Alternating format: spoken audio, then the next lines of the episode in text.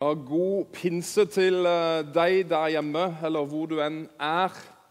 Eh, kanskje er du på hytta. Mange har sikkert reist vekk. Det er jo langhelg. Det er god stemning med familien. Det hadde vært kjekt hvis dere kunne sende en melding sant, eh, på chatten der. 'Hei, vi fire sitter i stua. Vi er der, og vi gjør dette.' Det hadde vært kjekt. Vi, vi er faktisk bare fem-seks stykker her i dag. og og vi savner fellesskapet, så send en melding inn eh, på chatten, så får vi kanskje litt mer følelsen av fellesskap. Eh, Hanne leste flott ifra Apostelens gjerninger 10, og vi er jo i Apostelens gjerninger. Og eh, det har vi vært i noen uker nå. Eh, og vi er jo på jakt etter hva og hvordan de, hvordan de første kristne levde, hvordan de lærte. Og sentralt i denne boka altså, er jo Den hellige ånd. Pinse, Den hellige ånds komme. Det ser vi gjennom hele denne boka. Hvordan, hvordan de blir leda av Den hellige ånd.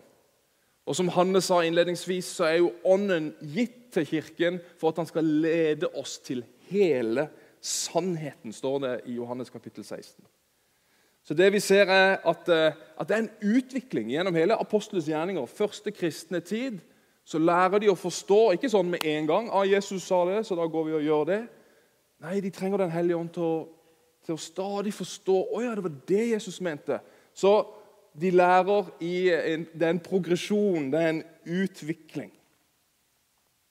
Og I dag er vi da altså i Apostels gjerninger kapittel 10, og Gud han gjør ikke forskjell på folk. Det er tematikken for denne preika. Du har hørt historien nå. Peter møter Kornelius og hans hus. Og Dette er kanskje en av de viktigste, hvis ikke den viktigste historien i apostlenes gjerninger.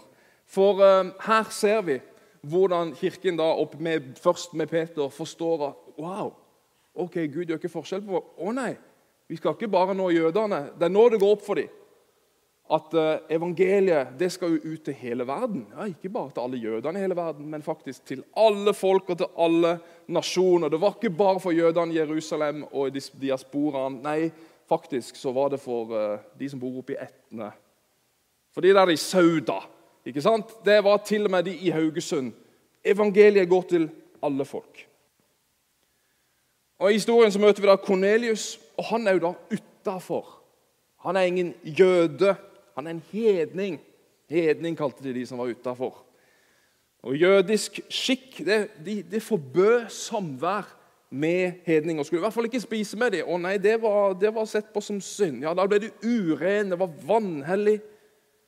Og ikke bare, ikke bare er Kornelius en hedning, men han er jo en romersk offiser. Han er jo en del av okkupasjonen. Han er jo en fiende av Israel. Ja vel, Likevel så får vi høre at han eh, hadde stor respekt fordi han hadde respekt for jødisk tro. Han var tydeligvis veldig interessert i dette og lot seg engasjere i den jødiske religionen. Han lengta tydelig etter Gud. Og Så har vi da Peter. Peter som har lært, det ser vi i Apostelens gjerninger 1, at Jesus sa at dere får ånden for å gå ut og forkynne evangeliet helt til jordens ende. Det hadde han jo lært men det er jo litt sånn, det vi har hørt på skolen, det glemmer vi ofte. gjør vi ikke det? Men han hadde fått høre det. Men allikevel Peter er støkk i sin egen kultur, i sin egen forestilling om hvordan dette skal være. Ja, i sin trange, religiøse forestilling. Og Derfor så blir mennesker som Kornelius de blir outsidere for det som Jesus har lyst til å gi dem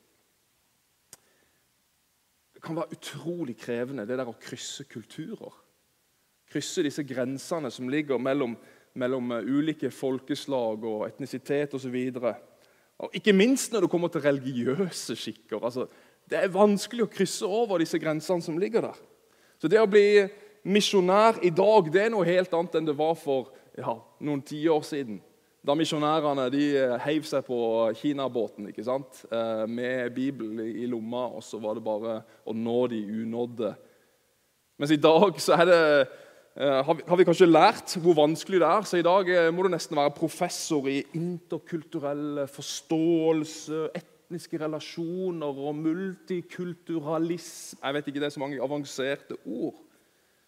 Men vi tar masse utdannelse i dag fordi ja, det er krevende å krysse alle disse grensene og barrierene som kan ligge mellom mennesker. Men Jesus han hadde en visjon, han hadde en drøm og en plan og en hensikt med at hans gode nyheter, det vi kaller evangeliet, det skulle forkynnes for alle mennesker. Ut til alle nasjoner, ikke bare jøder. Hvorfor? Jo, fordi Gud gjør ikke forskjell på folk. Interessant. Men altså, dette møter faktisk motstand i den ledende apostel i kirken. Wow. Til og med han sliter med å forstå det. Jeg har et bilde her. Dette her er Frank. Han Frank han er fra Alta. Og Dette er noen år siden, riktignok. Det er fra Dagbladet. Da han fikk høre at det skulle bygges et flyktningemottak på nabotomta der, så rant bare begeret fullstendig over for han. Ikke pip, pip, pip, pip, pip om at det skal bygges noe flyktninganlegg her i bygda. Det var mer enn nok mer enn nok av disse her fremmedkulturelle der allerede. Og han gikk med harde, harde ord ut på Facebook mot denne etableringa. Men alt endra seg den kvelden han ble invitert på besøk til de enslige mindreårige flyktningene som bodde på dette mottaket. Så Han går altså ut av sitt eget hjem, ut over grensa fra sin egen tomt, over til dette flyktningemottaket, og så setter han seg ned ved et måltid og så får han høre historier til enslige, mindreårige barn på flukt. Hva skjer med Frank? Han kollapser. Han gråter idet han går hjem. Så sier han til avisa her at jeg følte meg som et elendig menneske som hadde skrevet så negativt om dem. Og da kom det en kollaps, sa han. Frank han var så fordomsfull. Men han endra mening da han først fikk høre deres historier. Da han møtte disse menneskene. Og i det treffpunktet der, hvor han gikk utover sine egne grenser og fordommer og forutinntatthet, så kollapser han. Så møter han disse menneskene. Og Dette er jo et klassisk eksempel på, på fremmedfrykt. Og Dette er jo ikke noe tale om innvandringspolitikk, så, så slapp av alt av. Men, men Frank han hadde fordommer. Ja, Han var forutinntatt, han var redd for det ukjente. Han ville sette opp gjerder rundt det som han anså som trygt for hans tilværelse. Men vi trenger ikke bare sette Frank i gapestokken. Han kom tross alt på bedre tanker og ble en ressurs for dette her flyktningemottaket i Alta. Men hvor mange av oss sliter ikke med samme tankegodset? Jo, er vi noe bedre enn Frank? Vi kan være så fordomsfulle mot mennesker. Vi kan være så forutinntatt. Ja, Vi setter gjerne opp gjerder og murer for å skille, skille, oss fra de som gjerne ikke liker oss, de vi ikke helt ønsker å identifisere oss med, de vi er utrygge på. Og har ikke historien, ikke minst historien som, som, vi er en del av, ikke minst i Europa også, hvordan, har ikke den vist hvordan vi som mennesker kan være så forutinntatte og så fordomsfulle og sette opp virkelig høye murer og gjerder mot mennesker? Guttungen min han kom hjem her om dagen med, med et hakekors på hånda. Tegna, vet du. Ja vel, hva er det du har på hånda de spør jeg. Nei, eh, det er et solkors. Solkors? Hva, hva mener du? Det ser ut som hakekors. Er vi der, liksom? Hva har skjedd? Hva har jeg gått glipp av? Nei, nei, pappa, det er et solkors. Det bare ligner. Jeg klarte jo ikke å se forskjell. Så jeg vet. Det der tror jeg ikke er så lurt. Eh, jeg skjønner at du er jo ikke noe rasist, så, så, jeg tror du skal få det vekk. For jeg tror folk vil misforstå. Ja vel, Så ble det en god prat og en god mulighet her til å snakke litt om, om hvorfor ikke vi går med hakekors. og hva er, hva er galt med det? Hva er usunt med den tankegangen? Og Da fikk vi sagt det at nei, vi gjør ikke det, for Gud han gjør ikke forskjell på folk. Ja, Gud han river ned disse gjerdene og murene som vi bygger opp. Ja, Gud han bryter med menneskefrykten. Og så sier han, og så ser han, og han gir hvert menneske en ukrenkelig verdi. Selv om de ikke er akkurat sånn som oss, så er de elska av Gud. Han gjør ikke forskjell på folk. Nei, sånn er det i Guds rike. Det er annerledes enn det vi klarer, og vår historie som vi kan se bakover, har gitt. Nei, Guds rike er annerledes. Det er en grenseløs kjærlighet uansett etnisitet, kultur, kjønn, språk osv. Og, og så ser vi evangeliene, som Peter òg var en del av, men allikevel ikke hadde forsto at Jesus hadde jo en grenseløs atferd mot mennesker som var annerledes. Han brøyt alle disse grensene. Ja, Til og med religiøse grenser var satt. Kvinner sant, som ikke hadde samme status som menn. Jesus møter dem med verdighet, med respekt. Han løfter dem opp. ikke sant? Han rører til og med ved de smittsomme spedalske, som folk bare spedalsk, spedalsk, sant? De holdt, holdt mange meters avstand og utstøtte dem. Gikk ut av byen, vekk med dem. Jesus tok på dem. Han hadde fellesskap med dem. Til og med Israels fiender, Jesus, møter de. Ja, og Vi vet han ble syndernes venn. Sånn, tollere og prostituerte, alle de som ble sett på som de verste. Jesus brukte jo tid sammen med dem. Gud gjør ikke forskjell på folk. Og Frank han skjønte ikke dette før han gikk over disse murene, over denne tomtegrensa, inn og møtte mennesker. Peter skjønte det heller ikke før han fikk dette her bisarre møtet, eller denne visjonen på taket. For det var jo rundt lunsjtider Peter var på taket der. Og Han var sikkert sulten. Jeg vet ikke om du kjenner det rundt lunsj på jobb? Jeg tror ikke se på klokka en gang, du bare kjenner det. Nå er klokka halv tolv. Sånn var det kanskje for Peter, så de holdt på å lage maten. Kanskje er det derfor Gud bruker kjøtt jeg vet ikke, for å tale til Peter. Han var helt skrudd på den kanalen. Det er vanskelig for en mann å be når han er sulten. jeg vet ikke, Det er noen menn som kjenner seg igjen. Det er bare det at Dette kjøttet som, som kommer ned fra, på denne duken, her, dette synet, det er alt annet enn fristende for Peter. For Stemmen sier, 'Ta for deg, Peter, slakt og spis.' Men alt det han ser på den duken, det er etter jødisk lov og skikk. Ikke lov å spise. Så det var ikke så veldig fristende for ham. Og Dette får vi fra bl.a. tredje Mosebok, kapittel 11. Der kan du lese om eh, om loven om ren og uren mat. Og Det er ganske bisarr lesning, egentlig, i hvert fall for oss som lever i Vesten i 2021. Loven om rene og urene dyr. Det er en lang liste om hva du ikke kan spise. og hva du kan spise. Det er med og uten klover på dyrene, det er med og uten skjell. Det er om fugler, om ørnen og strutsen og uglen og måken, om kryp og om insekter. Masse. Hvis du vil ha litt gøy, så kan du lese det. Veldig interessant. da. Men det som kommer altså ned på den duken for Peter, det er en styggedom. Altså, Han kunne jo aldri spise dette. Det var bare hedninger som spiste sånn mat. Urene mennesker som Kornelius. Og Derfor så blir Peter stressa sier, når de sier 'slakt og spis', og han hører at det som Gud har sagt, er rent, må ikke du kalle urent. For et kaos det må ha vært for Peter. Han må sikkert ha tenkt wow, her er det djevelen som prøver å friste meg og få meg til å synde. og Kanskje han begynte å liksom å, nei, nei, nei, nei, nei, og begynte å be imot. Det er kanskje mange av oss som hadde gjort det. Men vent litt. Det er jo Gud som prøver å tale til ham her. Det er ikke alltid det er djevelen, selv om du blir utfordra. Tenk litt på den.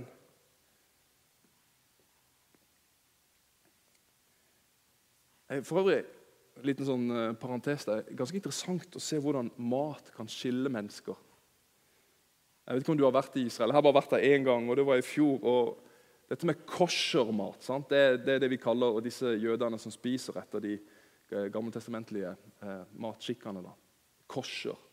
Så er det jo turister der. Bare det å få melk i kaffen det er så å si umulig på disse her hotellene. fordi de skal ikke blande melk og kjøtt. Det er sånn merkelig stemning der. Det er, det er, veldig strengt, på en måte, og det er alvorlig, dette her med mat. Eh, for ikke snakke om veganere. Ikke noe galt om veganere. Er du veganer? I love you. Gud gjør ikke forskjell på folk. Men det der med å være veganer er jo nærmest blitt en sånn eh, det er, nesten, det er blitt litt sånn religiøst omtrent, eh, sånn som det er blitt i verden i dag. Og eh, Alt er litt spesielt å diskutere mat og kosthold med veganere. De er, de er, på, måte, de er på, en måte en egen folkegruppe. Eh, jeg har f.eks. vært vegetarianer i en lengre periode og, og eh, har endt ut å bli sånn fleksiganer nå. da. Altså, jeg, er ikke, jeg er ikke helt ren. Men eh, bare vittig det der når du kommer til folk eller du er blant venner og så Nei takk, jeg spiser ikke kjøtt. 'Hæ? 'Hvorfor spiser du ikke kjøtt?' Hæ, må ikke tro du er bedre enn oss. Hæ? Hvorfor gjør du det? Eh, ja, dette med mat og det skaper hindre og murer og gjerder. og Folk blir provosert hvis du velger noe annet. Eh, så ja, det var parentes slutt. Interessant. Så Vi kan på en måte kanskje sette oss litt inn i Peters reaksjon også. En lovlydig jøde når han ser dette her at eh, Nei, nei, nei, nei jeg skal ikke spise noe urent. Peter er flink. Han viser sin hengivenhet til loven. Men stemmen gir seg ikke. Han tre ganger. Ikke kall det som Gud har kalt uh, rent, for urent. og Spis og slakt tre ganger. Wow, For et uh, heftig uh, bønnemøte det blir der oppe.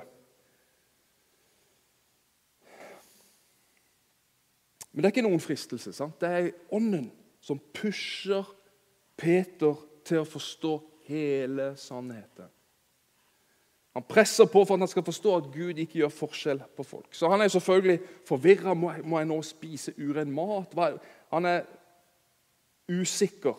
Og Det er først når Kornelius sine menn bank, bank, bank på døra, at han begynner å forstå. Det er interessant hvordan den, den, Det er ikke alltid så tydelig hvordan Den hellige ånd taler, men han setter ting sammen. og det, det, er det som skjer for Peter her. Han går ned, folk er der. Oi, her står det noen hedninger på døra. Hvor mange hedninger er det? Tre hedninger. Det var tre ganger denne stemmen pusha han på å spise uren mat.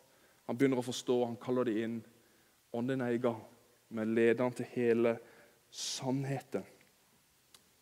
Han lytter til den indre stemmen, som Den hellige ånd ofte er. Svake stemmen der, og som ofte henger sammen med ting som skjer rundt oss. Interessant bare akkurat det. Men Gud utfordrer altså Peter. Hvorfor? Fordi han er støkk i denne iveren, religiøse iveren sin. Ja, Han hadde til og med blitt for opptatt av å være sammen eller bare være eh, sammen med de som er lik han sjøl. De som er annerledes enn han, de er ikke på radaren engang. Sant? Det er kun hans egne folk. Du vet, de der, Alle de der folkene som har for mye hvitløk i maten. Sant? Det var ikke aktuelt engang. Ja, for Veganerne selvfølgelig, vegetarianerne de er jo så ulike. Nei, nei, nei. nei de som har så god, utdannelse. Jeg liker ikke å henge med de. Nei, De som fester i helgene, fy søren, det er ikke bra. Eller de som er litt sånn bondske, litt sånn harry. Ja, det er ikke meg. Uff, tenker ikke på de. De som røyker. Herlig fred. Det går i hvert fall ikke an. Ja, De som banner på innpust og på utpust. Jeg, jeg, henger ikke så mye med de. Ja, I hvert fall ikke naboen som ikke klarer å holde hagen. Jeg tenker i hvert fall Det ser ikke ut. altså. De burde skjerpe seg. Alle de menneskene som vi prøver å holde litt sånn distanse til. Alle de som er ulik oss selv. Mens på den andre sida sitter jo Kornelius der. Han spiser sikkert ørneburger og måkestuing. Og for en jøde så var sikkert huset hans et sånn spøkelseshus og representerer alt en jøde bare må holde seg langt unna fra. Men paradokset og det er et paradoks, at Kornelius og hans hus ja, de var hedninger, de var utafor, de var alt annet enn det Peter ville henge med. Men de var søkk åpne for Gud. De lengta etter Gud. De ba kanskje Gud, er det ikke noen som kan forklare oss, fortelle oss hvem du er, og hvordan, hvem Jesus var? Men Peter han er jo ikke der. Han kommer jo ikke. Men likevel så har Kornelius og hans hus hatt engler på besøk. Wow. Og Da må vi òg ta en liten parentes, for det er viktig, det som står her. Engler det er Guds tjenere. De bidrar til at hans vilje skjer. Men merk det at engler de forkynner ikke evangeliet. De forteller ikke den gode historien om Jesus. Hvem sin oppgave er det? Det var jo Peter. Det var jo oss. Mennesker sin oppgave. Guds rike det kan være så overnaturlig noen ganger. Engler, duker som kommer ned fra himmelen. Hvordan skal vi tolke alt dette? Men det er noe veldig menneskelig. Veldig menneskelig og naturlig med det å forkynne evangeliet. Det er vår oppgave. Det er oss slik vi er, i vår hverdag. Det er noe veldig menneskelig med å dele evangeliet. Parentes slutt. Men han som skulle vært hos Kornelius, han som skulle vært der, det mennesket Peter, som var den største apostelen, som til og med hadde lært av Jesus at alle folkeslag og nasjoner skulle nås. Han hadde bare da etter noen år dette er noen år etter at Jesus har reist hjem til himmelen, bare da etter noen år så han glemt oppdraget han fikk. Han er blitt så opptatt av sin egen gjeng, innkrøka i sin egen kultur og religiøsitet og menighetsliv og jeg vet ikke hva. Og så blir Kornelius og gjengen stående uten. Og det er et stort problem for Gud. Det er et stort problem for Gud, tydeligvis. Og Derfor så setter Gud Peter i skikkelig ubalanse her. Han setter fordommene, forutinntattheten til Peter på prøve. Jo, hvorfor? Fordi Gud har et viktig anliggende. og det er at Han vil at alle mennesker, uansett hvordan de ser ut, hvor god utdannelse de har, hvilke venner de har, hvilke uvaner de har, hvor de er ifra, hvor mye synd og urenhet de har i sitt liv, så ønsker Gud å møte dem med de gode nyhetene. Det er jo Guds anliggende. Han ønsker at alle mennesker skal bli frelst. Guds kjærlighet er uten grenser. Amen. Ja, vi kan jo kjenne oss igjen i Peter. Guds grenseløshet mot mennesker. Hans radikale, grensesprengende kjærlighet møter motstand i mine og i dine murer og gjerder. ikke sant? Vi kjenner det rasler i eh, piggtråden når vi leser og hører dette. her. Vi snakker selvfølgelig ikke om de fysiske murene eller gjerdet du har bygd rundt tomta di, men vi snakker om det indre, det som vi setter opp mellom oss og andre mennesker. Det kan være menneskefrykt. sant? Hvor mange av oss er ikke redd for hva folk tenker og måtte mene om oss? Det kan være fordommer, det kan være mangel på kjærlighet. Ja, pur egoisme. Mange av oss er jo det. Vi kan jo kjenne på det. Tenker bare på vårt. Ja, Det kan være religiøsitet. Det kan være vår eh, åndelige iver sant? etter å leve med Gud. Vi glemmer folk fordi vi er så opptatt av oss sjøl. er ikke bra. Nei, Det kan være åndelig innadvendthet. Det er bare det som er i menigheten. Vi lever i vår boble. Mange ganger kan vi føle oss uvel. Det er jo noe menneskelig med det. sant? At uh, vi er rundt mennesker som har helt ulik livsstil og ulike verdier enn oss. Og så trekker vi oss unna. Gjorde Jesus det? Nei, han gjorde jo ikke det. Gud sier 'kall ikke det jeg sier, er rent, for urent'. Vi snakker ikke om mat her, vi snakker om mennesker. For Gud gjør ikke forskjell på folk. For Jesus i sin pureste renhet, ja, i sin hellighet, han elsker alle mennesker.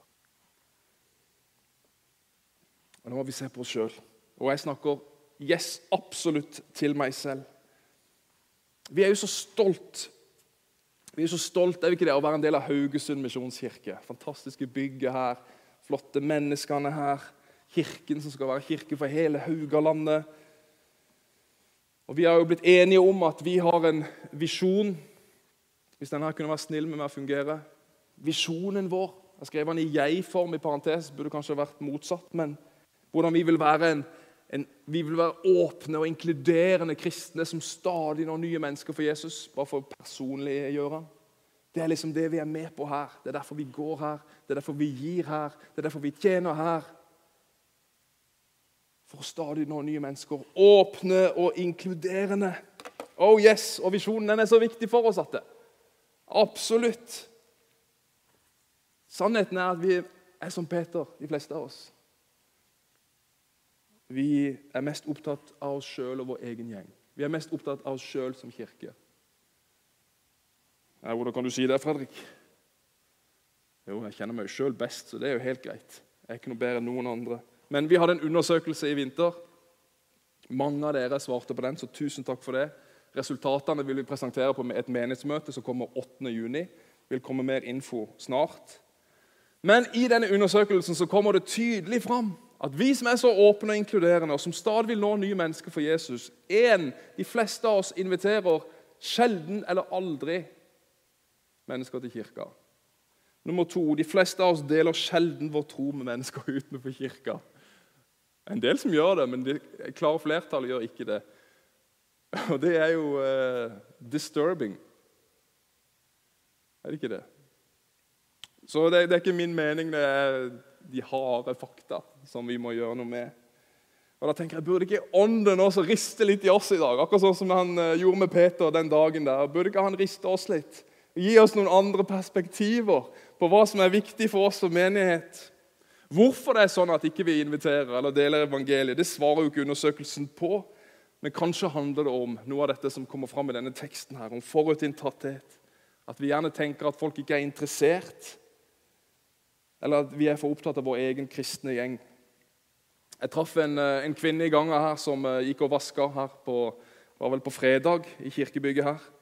Og Da kom samtalen tilfeldigvis inn på akkurat dette, denne tematikken som vi snakker om her.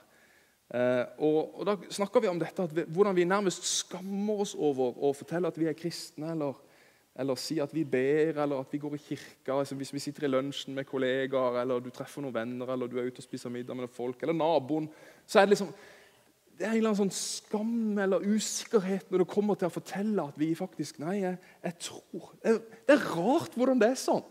Men Tydelig de fleste kanskje er det det det handler om, at vi, vi rett og slett skammer oss litt. Vi er litt redde, eller vi er redde hva folk skal tenke. Eller så tenker vi at nei, de er ikke interessert. Nei, de er nok ikke interessert. Nei, de driver jo med sine egne ting. Og, ja, ja, nei, han, er jo, han har jo mastergrad i, eh, i uh, realfag. og liksom, Nei, de er jo bare Nei, de, uff, nei, de har jo ikke noe tro. ikke sant? Altså, vi, vi, vi er liksom forutinntatt. At folk er ikke interessert. Men så gjør uh, denne kvinnen da, som jeg traff her, hun meg oppmerksom på Fredrik. Har du ikke sett disse her uh, kristne som, er, uh, som, har vært i media i det siste, som egentlig er gode eksempler på at vi tar feil når vi tenker at folk ikke er interessert. Når vi er sånn forutinntatt at nei, det er ingen som vil høre når jeg forteller om Jesus. Uh, så har, nevnte hun disse tre her, og jeg tenkte yes, dette må jeg jo bare ta med i prekenen min. For det er jo så, er jo så sant. Presten Tor på Farmen, mange kjenner jo han. Sant? Gikk inn der og bare var knalltydelig. Jeg tror på Jesus, og bare sånn glad kristen og bare halleluja. Og du tenker han kommer til å bli stemt ut etter første runde, men nei da. Nesten all the way å få lov til å bare være en kristen i sin mest naturlige form og er så positiv, og folk elsker han. Og hvilken inngang han har fått i det norske folk nå i etterkant. Bare en blid kar. Så positiv. Bare elsker mennesker.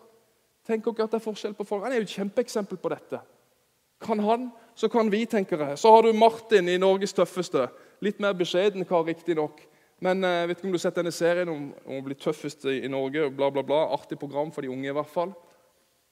Plutselig så sitter de der på TV og synger bordverset i denne eh, plassen når de spiser frokost, alle deltakerne. Han er seg sjøl, han er trygg på troen sin. Han forteller han er en kristen. Og så har du hun eh, Fjellvang på The Voice, som også bare Nei, jeg tror på Jesus. Det er naturlig for meg. Hun ønsker bare å være tydelig på hva hun tror på. Dette er gode eksempler på det vi snakker om her. Og ikke være så forutinntatt, men bare nei. Dette er jo kjempebra for alle mennesker. Det har dere ikke lyst til å høre. Så Murene vi ser for oss, de er nødvendigvis ikke der. Distansen, det som gjør oss så usikre, det som gjør oss så redd, det er ikke nødvendigvis der. Kanskje er det masse, masse løgn i det. Jeg tror det. Jeg tror vi lever i et samfunn i dag som er mer åpent enn noen gang. Ja, vil det bli tøffere å være kirke? Og, ja, det er mange ting der som vil gjøre det tøffere. Men samfunnet slik det er i dag, sekulært, mer avstand til, til den etablerte kirke, statskirke osv., så, videre, så gir det oss noen muligheter. Mennesker er åndelig åpne. De er sugne på å høre hva som skjer utenfor alt det materielle. Jeg tror det er en åpenhet, og vi ser det. Og vi, Det er mange som Kornelius som lengter etter Gud. Er det det? Ja, det er det. Eh, en av de eldste menighetene i Bergen, eh, Indremisjonen i Bergen, jeg tror han heter Salem. Aldri vært der. For noen år siden så gjorde de en undersøkelse eh, i samarbeid med, med noen, noen norsk gallupselskap. noe. De gjorde en undersøkelse hvor de spurte bl.a. at hvis du ble invitert til kirken, ville du sagt ja eller nei? sant? Ville du blitt med? Og over 50% og de spurte jo random folk i hele Bergen by, tror jeg det var. Ville du sagt ja? Over 50% sier ja, det ville jeg. det er greit med noen spørreundersøkelser noen ganger, og så bare gir svaret. Plutselig så var det sant at Oi, nei, det hadde vi ikke tenkt. Så derfor, Kanskje er det derfor vi ikke inviterer. Vi, vi, vi tar allerede, allerede neiet før vi har spurt. Det er litt sånn det, tror jeg. Ånden leder Peter ut av denne forutinntattheten, ut av sine egne grenser, inn i et hedningehus, spøkelseshus. Uh, hva møter han der? Han møter Gud. Å, det er så fantastisk. Han møter lengtende mennesker. Guds nærvær er der. Ånden kom, som han gjorde på pinsedagen til og med. De er jo i sjokk. Tenk at Kornelius og disse her eh, måkespisende folkene skulle få erfare akkurat det vi erfarte. Wow, Gud gjør virkelig ikke forskjell på folk. Vers 34. Nå forstår jeg virkelig Det var en åpenbaring for Peter. At Gud ikke gjør forskjell på folk men at han fra alle folkeslag tar imot hver den som frykter ham, og gjør det som er rett. Og Så begynner han å forkynne evangeliet til dem. Sant? Han begynner å huske, og, eh, og, Det er mange vers der. Men det som står mest fram for meg der, er nummer, eh, vers 38. Jesus fra Nasaret ble salvet av Gud med hellig ånd og kraft. Og Han gikk omkring overalt og gjorde vel og helbredet alle som var underkuet av djevelen, for Gud var med ham. Hvor gikk han hen? Han gikk overalt. Er det fantastisk? Han gikk overalt. Og Er vi sånne overalt-kristne? Ja, vi er jo overalt stadig vekk. Vi er, vi er på jobben. sant? Vi er på Oasen, ja, vi er på Amanda, vi er på trening, vi er på foreldremøter, vi er på bytur, vi er i kirken, faktisk. Men løfter vi noen gang blikket i vår travle hverdag, der vi er overalt? Er vi der for Jesus? Hans hensikt, hans plan. Er vi der som kirke? Våger vi å krysse noen grenser for Jesus? Våger vi å bryte ned noen murer som mennesker? Som mennesker skal få erfare hvilken gave Jesus er. At mennesker skal få den gave som du en gang fikk. Eller er vi så innkrøka i oss sjøl, i vårt kristne menighetsfellesskap, og lever på en løgn om at folk ikke vil ha Gud, og så lar vi bare mennesker rase forbi hver dag uten at vi åpner øynene våre for at Gud har en plan der jeg er. Vi lengter etter vekst i denne menigheten, og vi har så lyst til å se, som visjonen sier, at vi skal stadig nå nye mennesker. Men det nytter ikke bare å be om det. Det er bra å be, men hvorfor bare be når Jesus sa 'gå'? Gå ut. Gå ut. Peter, gå. Jesus gikk over alt. Han brøyt disse grensene som vi som mennesker setter. Hvis du leser kapittel 11, altså etter denne kapittel 10, der, så, så ser du at når Peter får kritikk 'Hvorfor gikk du inn til Kornelius? Hvorfor blir du uren? Hvorfor spiste du sammen med dem?' Ja, de er sinte, vet du. Så må Peter begynne å forklare. I kapittel 11 så sier han når Gud har gitt dem den samme gaven som vi fikk da vi kom til tro på Herren Jesus Kristus, hvem er da jeg? At jeg skal hindre Gud, sier han. Det er noe av det sterkeste jeg leser i eh, Apostelens gjerninger. Hvem er da jeg? Hvis dette er Guds hensikt, hvis dette er Guds plan, hvem er jeg som skal være til hinder for Gud, sier Peter til dem. Ja, hvem er vel du og jeg at vi skal være til hinder for Gud? Har du tenkt på det? Da blir det veldig alvorlig for meg hvis ikke jeg går. Så det er kanskje ingen som går. Ingen som gjør det. Vi feirer pinse. Vi er blitt gitt åndens kraft, som Jesus sjøl hadde for å gå overalt og sette mennesker fri. Det er så mange mennesker som strever og som lider der ute. Vi skal være med i åndens kraft, ikke oss sjøl. I nåde, men også i kraft fra Den hellige ånd, og sette mennesker fri Peke på at det fins noe som er så mye større i dette livet, at de skal få erfare det. Gud har en agenda. Det er så viktig for han, men vi kan stå i veien. Og Det ble veldig alvorlig for meg.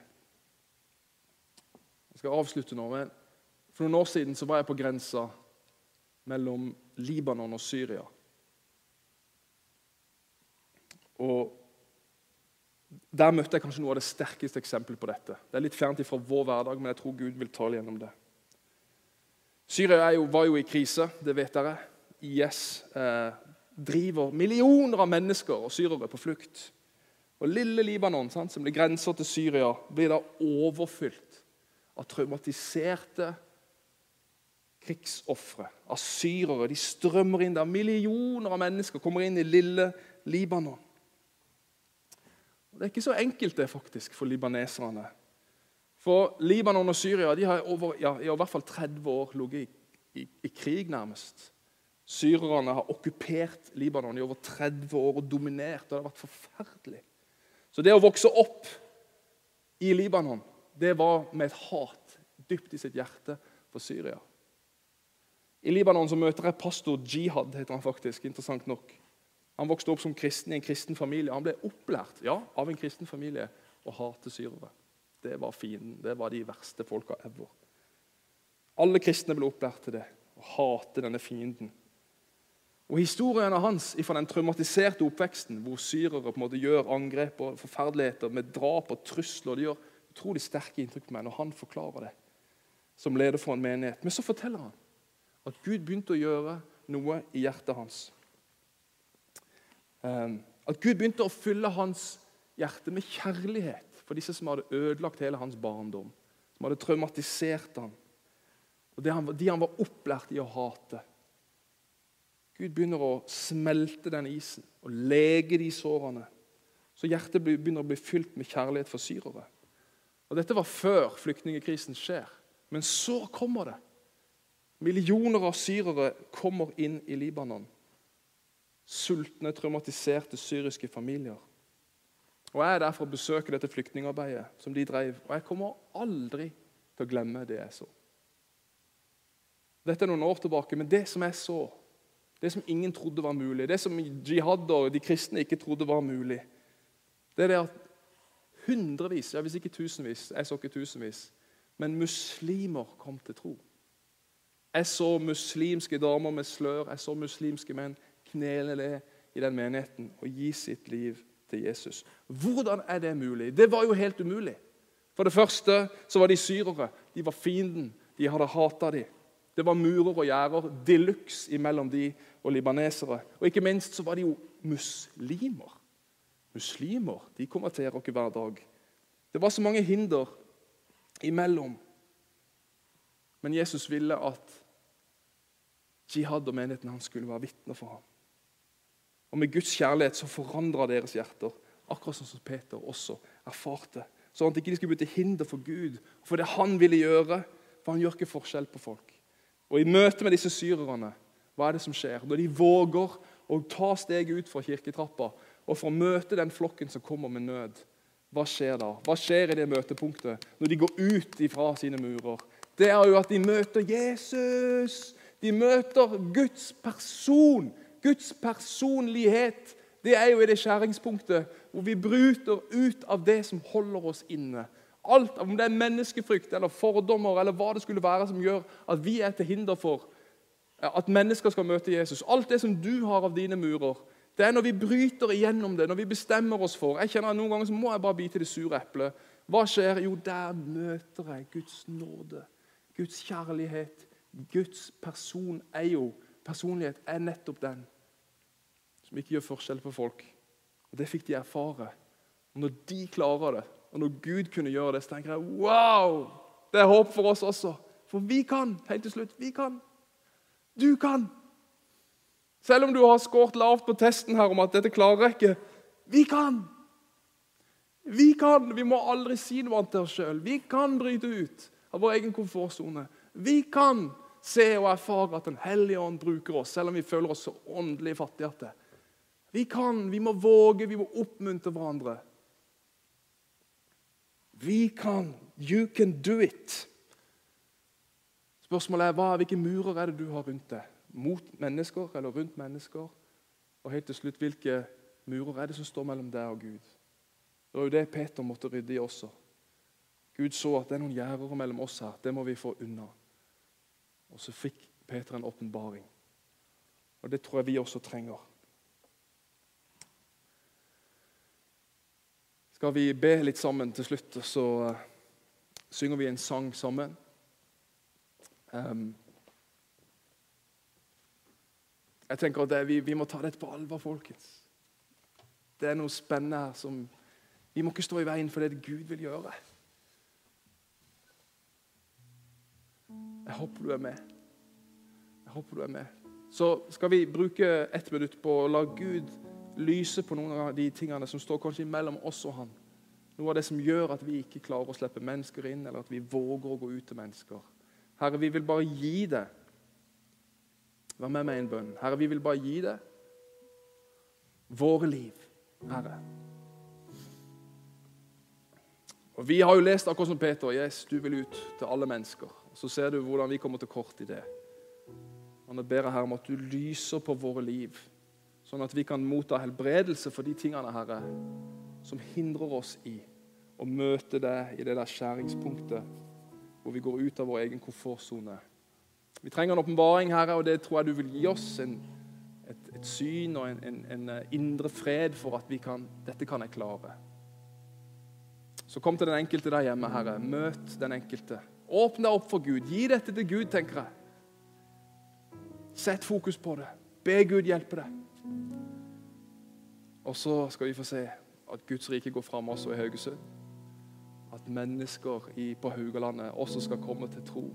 Mennesker som lider, mennesker som har det vondt og vanskelig.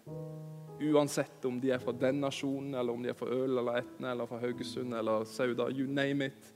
Uansett hva slags vaner de har, hva slags liv de har, hva de har stått i, hva slags legning de har. Uansett. Vi skal se gjerder falle. Så skal vi få se mennesker komme inn til Jesus. Og du og meg skal være en del av det. I Jesu navn. Amen.